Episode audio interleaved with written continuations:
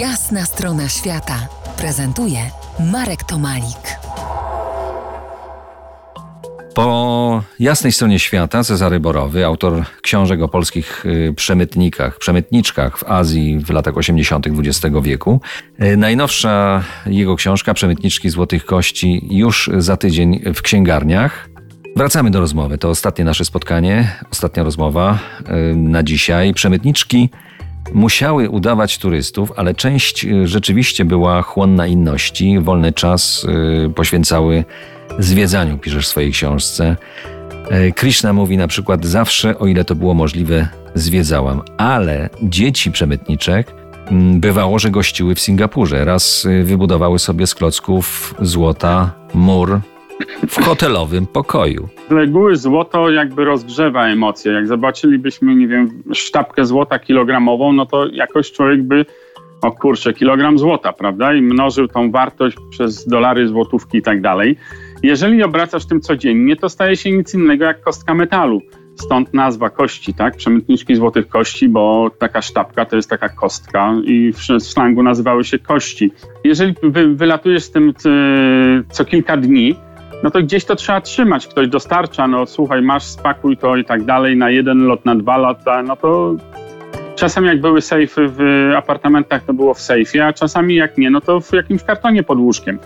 Więc y, dzieci, które miały się zająć same sobą, wyjęły sobie klocki, nie, nie, nie cały karton, bo to ważyło za dużo, ale pojedyncze kostki sobie wyjęły i zaczęły budować z tego zamek.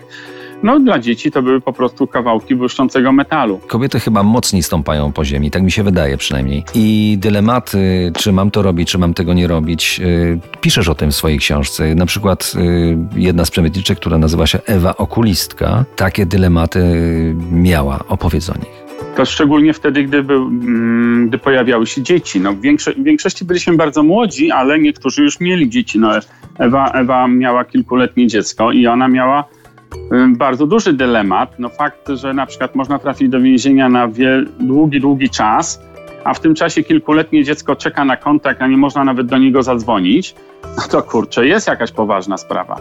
Znałem też osoby, które latały jakby parami, czyli małżeństwa, no i wtedy, wtedy latały, latali na zmianę, czyli raz jedno, raz drugie, żeby w razie, gdyby coś się stało, ta druga osoba mogła zająć się dzieckiem.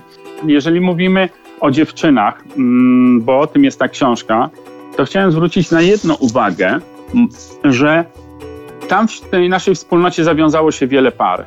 Czyli no, par, ale również takich par, które skończyły się małżeństwem, założeniem rodziny. Znam przynajmniej 10 takich yy, małżeństw i one wszystkie przetrwały.